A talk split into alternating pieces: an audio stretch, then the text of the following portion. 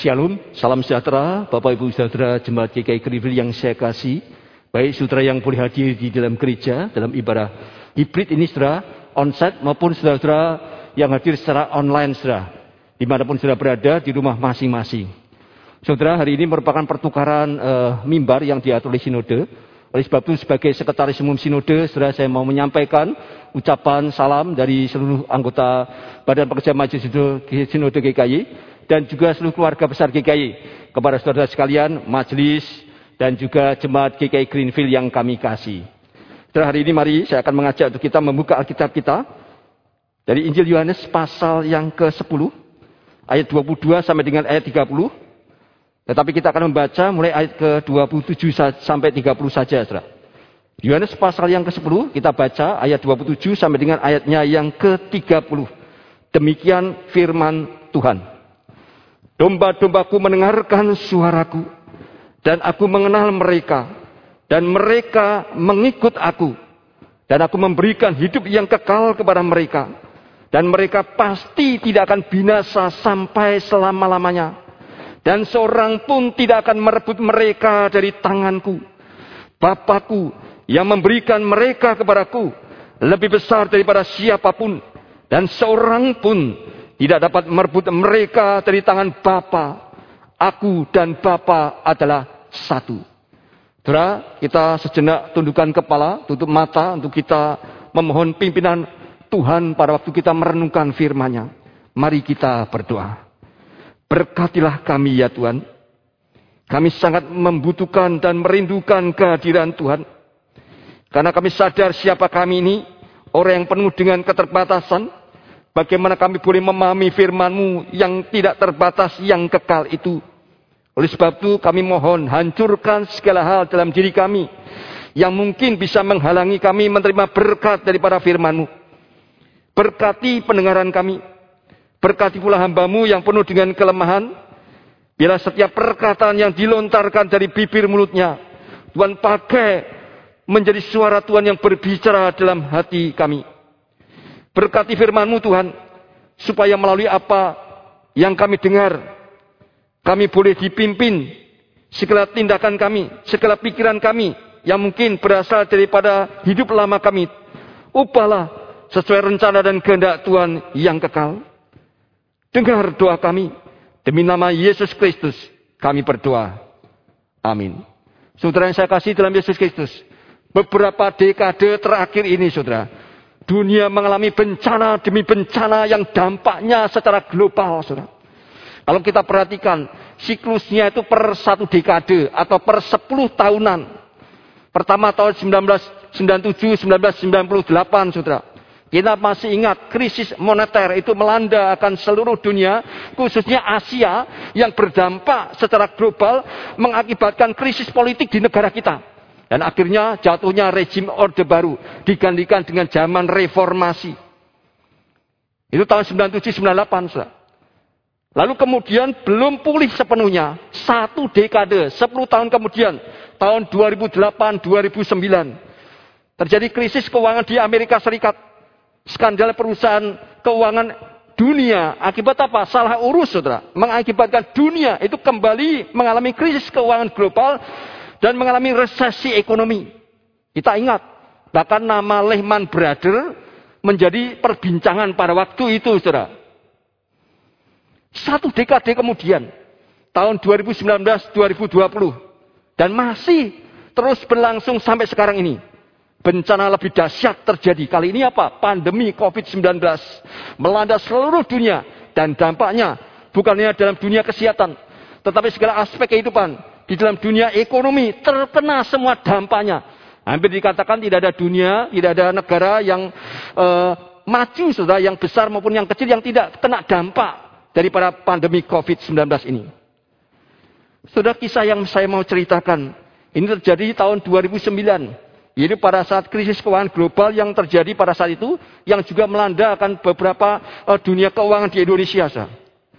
Dan pada waktu itu saya masih ingat, saya membaca surat kabar, karena saya masih menyimpan surat kabarnya, potongan e, berita surat kabar itu, yaitu 5 Maret 2009, saudara. Beberapa surat kabar mengisahkan cerita yang sama. Kisahnya begini, Suatu malam sekitar pukul 21, 9 malam. Seorang pria ditemukan, saudara, tewas menggantung diri sampai mati di garasi rumahnya, saudara. Siapakah pria itu? Pria itu adalah seorang manajer senior sebuah perusahaan keuangan yang sedang mengalami kebangkrutan. Yaitu PT Sarijaya Permana Sekuritas. Dia saudara menghadapi ancaman tuntutan dari banyak pihak. Malam sebelum tindakan yang nekat itu. Maka dia mencium kening istrinya yang berusia 34 tahun. Dia usianya 35 tahun. Saudara. Dan kemudian dia juga mencium saudara akan kedua anaknya yang masih berusia 5 dan 3 tahun. Lalu kemudian dia keluar dari kamar, kamar tidur. Saat itu memang istri dan kedua anaknya sudah beranjak tidur, mau tidur sudah. Ternyata diam-diam. Dia menuju ke garasi rumahnya. Dan menggantung dirinya sampai mati. Sebelum ditemukan oleh adik iparnya malam itu. Sudah mengapa sampai terjadi kejadian yang begitu tragis seperti ini? Saudara pria ini tidak bisa melihat ada masa depan bagi hidupnya. Saudara. Ia merasa tidak kuasa menanggung beban akibat tuntutan para nasabah. Karena dia kenapa? Karena dia tidak pernah menyerahkan hidupnya di tangan yang benar. Selama ini saudara. Dia menyerahkan hidupnya di dalam tangannya sendiri. Sehingga ketika sekarang dia gagal total. Sebagai akibat dari krisis keuangan global yang melanda saudara. Maka dia tidak bisa menemukan hal yang bisa memberikan ketenangan dalam jiwanya saudara. Maka ia tidak bisa berpikir jernih lagi tentang bagaimana nanti nasib istri dan kedua anaknya yang masih kecil yang justru harus sendirian menanggung beban warisan hutang dan tuntutan para nasabah. Sudah, ini dialami secara nyata, sudah. Manusia merindukan kedamaian dan ketentraman. Yang terakhir, belum selesai pandemi COVID-19 dengan varian-variannya. Baru beberapa hari yang lalu, hari Kamis 24 uh, eh, bulan ini Februari 2022 Rusia memerangi Ukraina. Ini bukan satu hal yang main-main. Peperangan dalam zaman ketika alutsista itu menjadi pem, pem, uh, pemusnah massal. Itu bisa menghancurkan banyak hal. Ada kisah, ada kisah semasa perang dunia kedua. Masa sama-sama perang. Saya ingin memberikan kisah ini semasa perang dunia kedua. Selama perang dunia kedua, kita tahu perang dunia kedua tahun 1939 sampai 1945.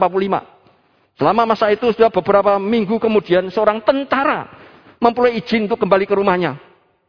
Segera setelah dia sampai menuju ke jalan tempat rumahnya, dia melihat saudara ada sebuah truk militer yang diparkir yang mengangkut puluhan mayat penuh dengan mayat. Saudara.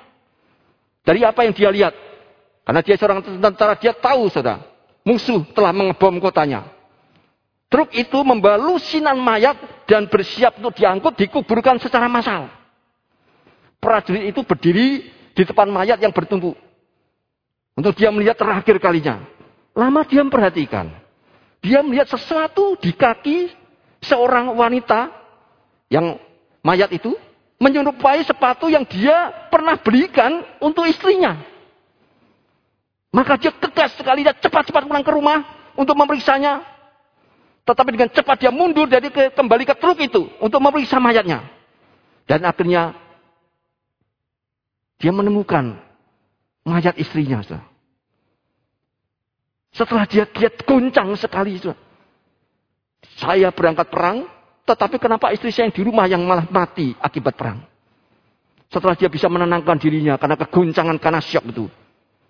Maka dia merasa, saya tidak ingin istri saya dikuburkan secara massal. Sehingga dia meminta mayat istrinya untuk diturunkan.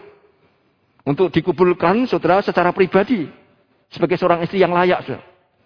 Dan selama pemindahan itu ditemukan saudara, bahwa mayat istrinya itu masih bernapas pelan. Meskipun masih maka sangat sukar. Tapi dia menemukan masih ada napasnya.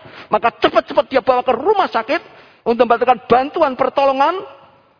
Maka kemudian ketika dibantu, ditolong saudara, hidup kembali saudara. Bisa hidup kembali.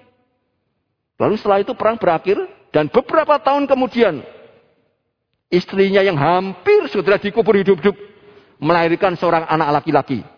Anak laki-laki itu sekarang menjadi dewasa, menjadi besar, menjadi seorang pemimpin yang hari Kamis yang lalu mengumumkan perang menyerang akan Ukraina. Betul, anak itu adalah Vladimir Putin. Vladimir Putin yang sekarang presiden Rusia, sudah, yang mengumumkan Kamis lalu operasi militer khusus ke Ukraina yang ternyata setelah beberapa hari ini Diketahui itu bukan hanya sekedar uh, apa menyerang dua daerahnya, dua daerah di Ukraina, tetapi invasi penuh, invasi penuh ke seluruh Ukraina, saudara. Saudara, akankah saudara Hal ini akan memicu bencana global yang lebih dahsyat, yang besar, yang mengoyak kedamaian dunia. Yaitu perang dunia ketiga, saudara. Saudara, pernahkah kita berpikir saudara rakyat Ukraina beberapa minggu yang lalu saja. Mereka apakah pernah berpikir segala sesuatunya akan hancur? Ada seorang anak yang mengatakan saya tidak mau mati. Saya terbangun karena suara bom. Saya menonton CNN dan BBC, saudara. Ada seorang pangkal saya baru pulang dari kerja, saya tidak tahu mau ke mana, rumah saya sudah hancur. Dia kebingungan, karena dia pulang dari kerja dan terjadi perang, sudah. Seakankah sudah ini akan menjadi memicu perang dunia ketiga, sudah. Dan akibatnya akan sangat fatal, tidak seperti perang dunia pertama atau kedua. Karena senjata pemusnah massal itu bisa memusnahkan hampir seluruh umat manusia seluruh dunia ini, sudah. Sudah manusia selama ribuan tahun di sepanjang zaman bergumul, berusaha mencari ketenangan jiwa, mencari kedamaian di dalam hati. Tetapi, tetapi sudah berapa banyak yang bisa memperoleh apa yang diimpikan itu dengan usaha dan perjuangan sendiri. Berapa banyak orang yang berpikir waktu muda saya akan kerja keras, nanti waktu tua saya akan menikmati hasil kerja keras saya. Justru ketika dia sudah menjadi tua, dia menjadi kecewa. Mengapa? Karena saudara betapa sering ketika ia sudah lanjut usia, bukan kenikmatan, bukan ketenangan yang dia dapat, tetapi justru mengalami kelemahan, mengalami sakit penyakit, mengalami kecemasan dalam jiwanya. Bukan kebahagiaan dan ketenangan, saudara. Melainkan kelemahan tubuh dan kekhawatiran pada masa tuanya. Ya sakit-sakitan, keluar masuk terus ruang praktek dokter, tidak pernah henti-hentinya minum obat, dan lebih parah lagi, dari hari ke hari. Hanya kecemasan, kekhawatiran, dan kesedihan yang tidak kunjung selesai di dalam hidupnya. Kecuali saudara, gembala yang baik, pencipta, juru selamat manusia mengunjungi jiwanya. Maka tidak mungkin jiwa ini memperoleh ketenangan yang sungguh-sungguh. Gembala yang baik, gembala yang agung, yang satu-satunya Yesus Kristus. Yang menjelma menjadi manusia yang pernah mengalami segala kesusahan, kepahitan, tangisan, penderitaan, turan darah yang tiada berdosa, dia diri tanpa keadilan, dialah saudara. Dialah yang paling tahu, paling mengerti apa yang saudara alami, apa yang paling mengerti kesusahan, kelemahan, ketidakadilan yang dialami oleh manusia. Yesus adalah anak Allah yang sudah pernah menjadi seperti kita, berdarah dan berdaging. Yesus adalah gembala, gembala yang baik, yang diutus datang dari surga ke dalam dunia kepada domba-dombanya. Yesus berkata, akulah gembala. Dan domba-dombaku mendengarkan suaraku. Sudah sungguh berbahagia mereka yang percaya dan mempertaruhkan hidupnya di tangan gembala, sudah. Tetapi sebaliknya ada orang-orang yang sudah bertemu dengan dia, yang sudah mendengar firman-Nya, bahkan sudah melihat dengan mata kepala sendiri segala mujizatnya tetapi mereka tidak bisa percaya kepadanya, saudara. Sejujurnya orang yang paling malang di dalam dunia. Bukanlah orang yang tidak ada uang. Orang yang paling malang bukanlah orang saudara yang tidak ada pekerjaan. Orang yang paling malang bukanlah orang saudara yang sedang mengalami sakit yang keras. Bukan saudara. Tetapi orang yang paling malang adalah orang yang sudah melihat pekerjaan Allah. Sudah mendengarkan firman-Nya. Tetapi tidak bisa beriman. Tidak bisa percaya kepada Allah yang sejati saudara. Itu orang yang paling malang. Sungguh malang Yudas Iskariot. Dia dapat dikatakan dia mengalami akan hal anugerah yang begitu besar. Tiga setengah tahun diajar oleh guru yang paling baik. Dia mengalami mujizat-mujizat, mengalami pengajaran yang begitu luar biasa. Mengalami kedekatan dengan anak Allah sendiri. Tetapi dia tidak bisa percaya, tidak bisa beriman. Sungguh itu adalah orang yang paling malang. Saudara dalam ayat-ayat sebelumnya kalau membaca dalam Yohanes pasal 10 ini. Ayat 19 sampai ayat 21 kita baca. Pada waktu Yesus menyampaikan firman-Nya, maka orang Yahudi berselisih. Mereka berdebat. Mereka terpecah-pecah oleh Yesus, oleh pekerjaannya, oleh perkataannya. Pada waktu mereka berselisih karena perkataan Yesus. Kita melihat, saudara, nubuat Yesus itu digenapi di dalam dunia ini. Dan nubuat ini adalah salah satu nubuat, saudara, yang sulit diterima oleh banyak orang. Yesus pernah berkata dalam Matius 10 ayat 34 sampai 35 demikian. Jangan kamu nyangka bahwa aku datang untuk membawa damai di atas bumi. Aku datang bukan untuk membawa damai, melainkan pedang.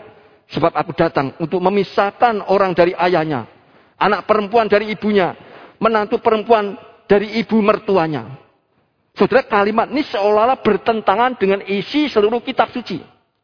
Bukankah Yesus disebut sebagai Raja Damai yang membawa damai sejahtera? Kalimat yang sulit dimengerti ini, saudara. Harus dibaca dengan hati yang taat kepada roh kudus dan akibat yang tidak bisa tidak harus terjadi sewaktu diberitakan firman Kristus. Bagi orang yang menerima segala sesuatu yang disampaikan gembala yang baik. Yang menerima 100% firman Tuhan. Saudara. Maka bagi mereka saudara pendamaian itu akan melawat dia. Mengapa sering kali saudara kita jarang sekali damai sejahtera Tuhan. Karena kita saudara mau menyaring firman. Kita tidak sungguh-sungguh memberikan hati kita menerima firman dengan sepenuh hati, maka kita tidak akan damai sejahtera. Tapi bagi mereka yang menolak pendamai, menolak Yesus, saudara, menolak firmannya, maka pendamaian itu bukan saja tidak datang kepada dia, tetapi justru dia akan menjadi musuh daripada pendamaian itu. Kita menyaksikan hal yang tidak bisa dihindarkan, yaitu orang-orang Yahudi terpecah-pecah karena tanggapan yang berbeda tentang Yesus. Saudara ingat di mana saja Injil diberitakan, di situ ada respon yang berbeda dari manusia. Manusia berdosa. Di mana saja karya Roh Kudus dikerjakan, pasti, pasti. Kalau karya Roh Kudus, karya Roh Kudus dikerjakan pasti akan terjadi pemisahan yang kudus dari yang berdosa. Saudara-saudara perhatikan pasal 10 Injil Yohanes ditandai dengan hari pentahbisan bait Allah. Ini momen yang penting sudah bagi orang Yahudi. Dan ini merupakan mana yang penting bagi kita kalau kita memaknainya dalam dalam terang perjanjian baru. Karena hal ini sangat sesuai dengan apa yang digenapi oleh Yesus. Yesus akan segera ditahbiskan. Yaitu dikorbankan di atas kayu salib. Pada hari raya itulah. Ketika Yesus sedang berjalan-jalan di dalam bait Allah. Mereka minta satu pertanggungjawaban kepada Tuhan. Ayat 24 dikatakan. Mereka bukan lagi sekarang mereka berdebat sendiri. Tapi mereka langsung minta mengeluarkan cetusan hati mereka minta pertanggungjawaban kepada Tuhan demikian. Berapa lama lagi engkau membiarkan kami hidup dalam kebimbangan? Jikalau engkau Mesias, katakanlah terus terang kepada kami. Saudara ini pertanyaan yang kritis. Pertanyaan kritis. Tetapi pada waktu menanyakan pertanyaan ini, di dalamnya unsur-unsur yang kurang baik. Yang pertama tadi yang biru, yang ayat 2b dulu. 24b dulu. Ketika mereka bertanya kepada Yesus, jika engkau Mesias, artinya jika engkau benar, katakan terus terang, katakan dengan jujur. Mereka menuntut Yesus berterus terang. Berarti apa? Berarti selama ini mereka tanpa sadar, mereka menuduh Yesus itu kurang jujur. Tidak pernah berterus terang. Maka menanyakan itu. Lalu ayat 24a ketika mereka berkata, berapa lama lagi engkau membiarkan kami hidup dalam kebimbangan? Berarti mereka menye, menye, uh, menuduh Yesus sebagai penyebab kebimbangan mereka dalam hidup ini. Saudara kita harus sadar, Yesus datang sebagai objek iman untuk memberikan iman kepada kita dan untuk mengarahkan iman kita kepada Dia sehingga saudara kita punya pegangan dalam hidup sehingga kita tidak pernah bimbang dalam hidup ini. Maka tidak mungkin Yesus saudara itu tidak membuat kita bimbang. Yesus tidak pernah membuat kita bimbang. Yesus tidak pernah tidak jujur. Pada waktu orang Yahudi sudah datang pada Yesus dengan pertanyaan itu. Yesus tidak melayani perdebatan mereka lagi. Sudah mungkin dalam segala pergumulan kita sering kali kita melontarkan pertanyaan ini kepada Tuhan. Sama seperti orang-orang Yahudi tanpa sadar sudah. Kita menuduh Tuhan tidak terus terang. Kita menuduh Tuhan membuat kita hidup kita ini bum bimbang. Satu bencana belum selesai kok masih datang bencana lagi. Satu varian belum Selesai Delta, datang Omikron. Nanti datang apa lagi? Kadangkala sudah tanpa sadar sudah. Kita menuduh Allah membuat kita bimbang. Itu ditanyakan sejak dulu oleh manusia. Oleh orang-orang Yahudi kepada Kristus. Tetapi Yesus tidak melayani perdebatan mereka. Yesus menjawab dengan kalimat yang sangat tajam. Ayat 25. Aku telah mengatakannya kepadamu. Tetapi kamu tidak percaya. Pekerjaan-pekerjaan yang kukelakukan dalam nama Bapakku. Itulah yang memberi kesaksian tentang aku. Saudara ayat 25 ini mari kita renungkan lebih dalam. Saudara. Kalau dia menjawab apa yang mereka minta, berarti Yesus mengiyakan yang mereka tuduhkan. Berarti Yesus mengakui selama ini dia kurang jujur. Dia kurang terus terang. Dia kurang uh, jelas saudara. Kepada mereka. Tetapi Yesus mengatakan apa? Aku telah mengatakannya kepadamu. Artinya apa? Ini berarti Yesus sudah pernah mengatakan. Tetapi mereka tidak mau dengar. Tidak mau perhatikan. Berapa banyak orang yang sudah dengar firman Tuhan? Berkali-kali. Mungkin kalimat yang sama. Ayat yang sama. Tetapi tidak sungguh-sungguh mendengarkan. Yesus mengatakan, aku telah mengatakannya. Tidak akan diulang lagi. Hal ini mengajarkan kepada kita. Agar kita menghargai. Agar kita memperhatikan sungguh-sungguh firman Tuhan yang mungkin, saudara. Hanya satu kali kesempatan saja kita boleh mendengar, saudara. Kalimat ini masih ditambah lagi dengan ayat 26. Yesus mengatakan akan tetapi kamu tidak percaya. Karena kamu tidak termasuk domba-dombaku. Kamu bukan dombaku, maka kamu tidak bisa mendengar. Orang yang tidak bisa mendengar firman Tuhan artinya tidak sungguh-sungguh bisa mempercayai beriman dan itu muncul dalam bentuk tindakan. Itu Yesus mengatakan kamu bukan domba-dombaku. Ayat 27 Yesus mengatakan domba-dombaku mendengarkan suaraku dan aku mengenal mereka dan mereka mengikut aku. Ayat 27. Kita menyaksikan ini Sang Gembala Agung Yesus Kristus mengatakan hal yang penting tentang ciri-ciri domba Kristus. Apa itu ciri-ciri domba Tuhan? Saudara? Ayat ini mengatakan luar biasa sekali. Ini dari Tuhan sendiri loh. Tuhan sendiri yang mengatakan, kalau kau menjadi dombaku, ini loh ciri-cirinya. Ini menjadi cermin bagi kita, apa kita sungguh-sungguh domba Tuhan. Seperti apa sih domba Tuhan yang jati, yang diakui oleh Tuhan Yesus? Yang pertama, Domba itu mengenal suaraku. Jadi domba itu bisa membedakan mana suara Tuhan, mana firman yang benar, mana firman yang tidak. Dia bisa membedakan. Itu adalah ciri domba Tuhan yang sejati yang pertama. Yang kedua, domba itu aku kenal. Yesus mengenal siapa domba, siapa bukan domba. Bukan kita yang mengenal Tuhan, tapi Tuhan yang mengenal kita. Ini saudara, ciri yang disampaikan oleh Tuhan. Domba itu mendengar suara Tuhan, Domba itu Yesus kenal. Yang ketiga, domba itu mengikut Tuhan. Jadi mengikuti teladan Tuhan. Apa yang dilakukan Tuhan, apa yang dipikirkan Tuhan, apa yang dikerjakan Tuhan, apa yang dikatakan Tuhan, dia ikuti sepenuhnya. Itu adalah ciri domba-domba yang sejati. Orang yang sungguh-sungguh domba Tuhan bisa bedakan, saudara. Mana suara gembala yang baik, ajaran tokoh yang benar, atau tidak sesuai prinsip Alkitab atau tidak. Itu dapat dia bedakan. Ini domba sejati. Oleh sebab itu, saudara seorang pengkhotbah saya masih ingat. Pernah mengatakan, tugas orang Kristen zaman ini adalah gembalakan zaman ini dengan suara firman. Kita bersyukur saudara dengan kemajuan teknologi, meskipun sudah ibadah terbatas di gereja. Tetapi bisa tetap ibadah. Karena yang penting apa? Suara. Gembalakan dengan suara firman. Karena bukankah dengan firman suara Tuhan segala sesuatu jadi. Ketika Tuhan maka jadilah terang maka jadi. Jadilah bumi, langit, jadi. Jadilah cakrawala jadilah. Dengan apa? Dengan suara. Maka gembalakanlah zaman ini dengan suara firman Tuhan, saudara. Dunia ini sudah terlalu banyak suara-suara yang membisingkan hati. Suara yang membiaskan arah hidup manusia. Setiap hari kita mendengar suara-suara yang bukan dari Tuhan. Oleh sebab itu zaman ini perlu dikembalikan dengan suara yang benar, suara firman Tuhan. Kita tidak takut teknologi apa pun, selain metaverse atau apa pun, verse apa pun, selain universe. Tetapi yang kita butuhkan adalah firman Tuhan. Selama firman Tuhan diberitakan, saudara. Maka kita akan selalu mendengar suara Tuhan. Kita akan selalu digembalakan. Kita akan selalu, saudara, dituntun arah kehidupan kita. Oleh sebab itu tugas setiap kita bukan hanya rohaniwan. Setiap orang yang percaya kepada Tuhan. Setiap orang yang mengaku sebagai domba-domba Tuhan. Itu adalah membereskan kerangka pikiran orang Kristen yang selama ini masih banyak simpang siur di dalam konsep kekristenan mereka. Kenapa? Karena sembarangan mendengar. Karena sembarangan mendengar, saudara.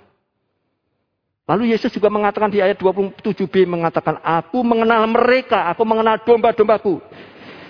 Ini penting sekali, ini hal yang sangat penting. Saudara. Kalau orang tidak mengakui kita, orang tidak menerima kita, orang tidak peduli kita, itu urusan sepele sebetulnya. Bahkan kalau tidak ada satu orang pun yang mau mengenal kita, itu pun bukan bukan masalah yang terlalu besar. Tetapi, tetapi sudah, jika pada suatu hari, ketika kita berdiri di hadapan Tuhan, dan Tuhan mengatakan, aku tidak kenal engkau, baru itu masalah yang sangat serius. Suatu persoalan yang sangat besar, saudara. Kita berharap kita tidak akan mengalami hal itu. Maka selama kita masih bisa mendengar suara gembala yang agung, suara Tuhan, suara firman Tuhan. Mari kita menjadi domba-dombanya. Supaya Tuhan mengenal kita. Supaya Tuhan mengakui kita sebagai domba-dombanya. Ayat 27, domba-dombaku mendengarkan suaraku dan aku mengenal domba-dombaku dan domba-dombaku mengikut aku. Ada kata mengenal dan mengikut. Saudara mengenal dan mengikut Tuhan ada suatu perjalanan seumur hidup. Mengenal Tuhan bukan satu kali mengacungkan tangan dalam suatu kebaktian. Bukan pula sesudah dibaptis, terima surat baptis lalu selesai. Bukan saudara. Mengenal Tuhan adalah perjalanan seumur hidup. Kalau kita sungguh-sungguh mengenal, kalau kita sungguh-sungguh mencintai Tuhan, terus-menerus kita akan apa? Dengarkan suaranya. Kita akan rindu mendengarkan suaranya. Kita ingat dulu mungkin waktu masih pacaran. Dulu masih zaman pacaran tidak seperti zaman sekarang bisa uh, video call saya. Sulit sekali. Maka biasanya telepon-teleponan kalau saya ingat dulu bahkan ke satu bilik gitu ya. Pakai telepon umum, pakai pakai koin bukan koin, pakai kartu juga. Asal bisa dengar suaranya, wah tenang. Setelah selesai apa? Kangen lagi, ingin dengar suaranya. Itu salah satu tanda mencintai. Oleh sebab itu kalau kita mencintai Tuhan, kita akan rindu dengar firman Tuhan. Rindu tidak cukup hanya satu minggu, satu kali, jam 7.30 atau jam 10. Kita rindu terus mendengar suara Tuhan. Kita rindu membaca terus firman Tuhan, surah. Itu tanda mencintai. Itu tidak bisa dipisahkan untuk dengar-dengaran suara Tuhan, suara firmannya. Saudara, mengikut Yesus. Tidak pernah sia-sia. Tidak ada satu orang pun yang mengikut Yesus yang pada akhirnya tidak diberkati. Tidak ada. Pasti akan diberkati. Orang yang mengikut Yesus. Saudara. Ayat 28. Tuhan mengatakan, dan aku memberikan hidup yang kekal kepada mereka. Dan mereka pasti tidak akan binasa sampai selama-lamanya. Dan seorang pun tidak akan merebut mereka dari tanganku. Saudara tidak pernah ada satu orang pun yang bisa memberikan jaminan seperti ini kecuali Yesus. Kita tidak pernah menemukan jaminan seperti ini pada tokoh-tokoh besar dunia. Atau bahkan pendiri-pendiri agama sekalipun. Hanya Yesus, saudara. Yang memberikan jaminan pasti hidup tidak akan binasa sampai selama-lamanya. Saudara, mari kita menyadari satu hal yang sering kali kita tidak sadari. Yaitu saudara yang percaya kepada Kristus. Saudara memiliki hidup yang kekal, saudara. Everlasting life. Hidup kekal berarti apa? Tahan lama. Tahan selama-lamanya. Hidup yang terus-menerus sampai selama-lamanya. Sehingga sewaktu dokter memfonis kita sakit yang parah sekalipun. Kita boleh mengatakan tidak usah khawatir. Karena aku sudah memiliki hidup yang kekal. Tubuh ini memang hanya sementara. Tetapi yang percaya kepada Yesus memiliki hidup yang kekal. Pasti tidak akan binasa sampai selama-lamanya. Saudara kalimat selanjutnya mengatakan, seorang pun tidak akan merebut mereka dari tanganku. Seorang pun kata Yesus tidak akan merebut mereka dari tanganku. Saudara kalimat ini membuat kita terharu, saudara.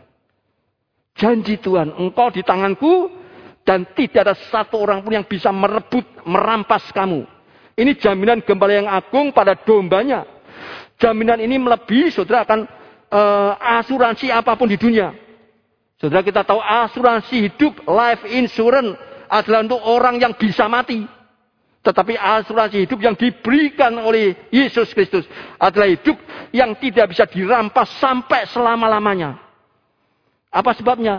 Karena tidak ada tangan yang lebih kuat daripada tangannya tangan Yesus. Ayat 29. Bapakku yang memberikan kepadaku lebih besar daripada siapa pun. Dan seorang pun tidak dapat merebut mereka dari tangan Bapa. Bapakku yang memberikan engkau kepadaku lebih besar, lebih besar dari siapa pun. Dan seorang pun tidak dapat merebut engkau dari tangan Bapa.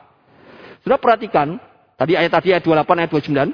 Ayat 28 sebut tidak dapat merebut dari tanganku, tangan Yesus. Ayat 29 sebut tidak ada yang bisa merebut dari tangan Bapa. Jadi ada tangan Kristus, ada tangan Bapa. Ini berarti menjadi domba Tuhan.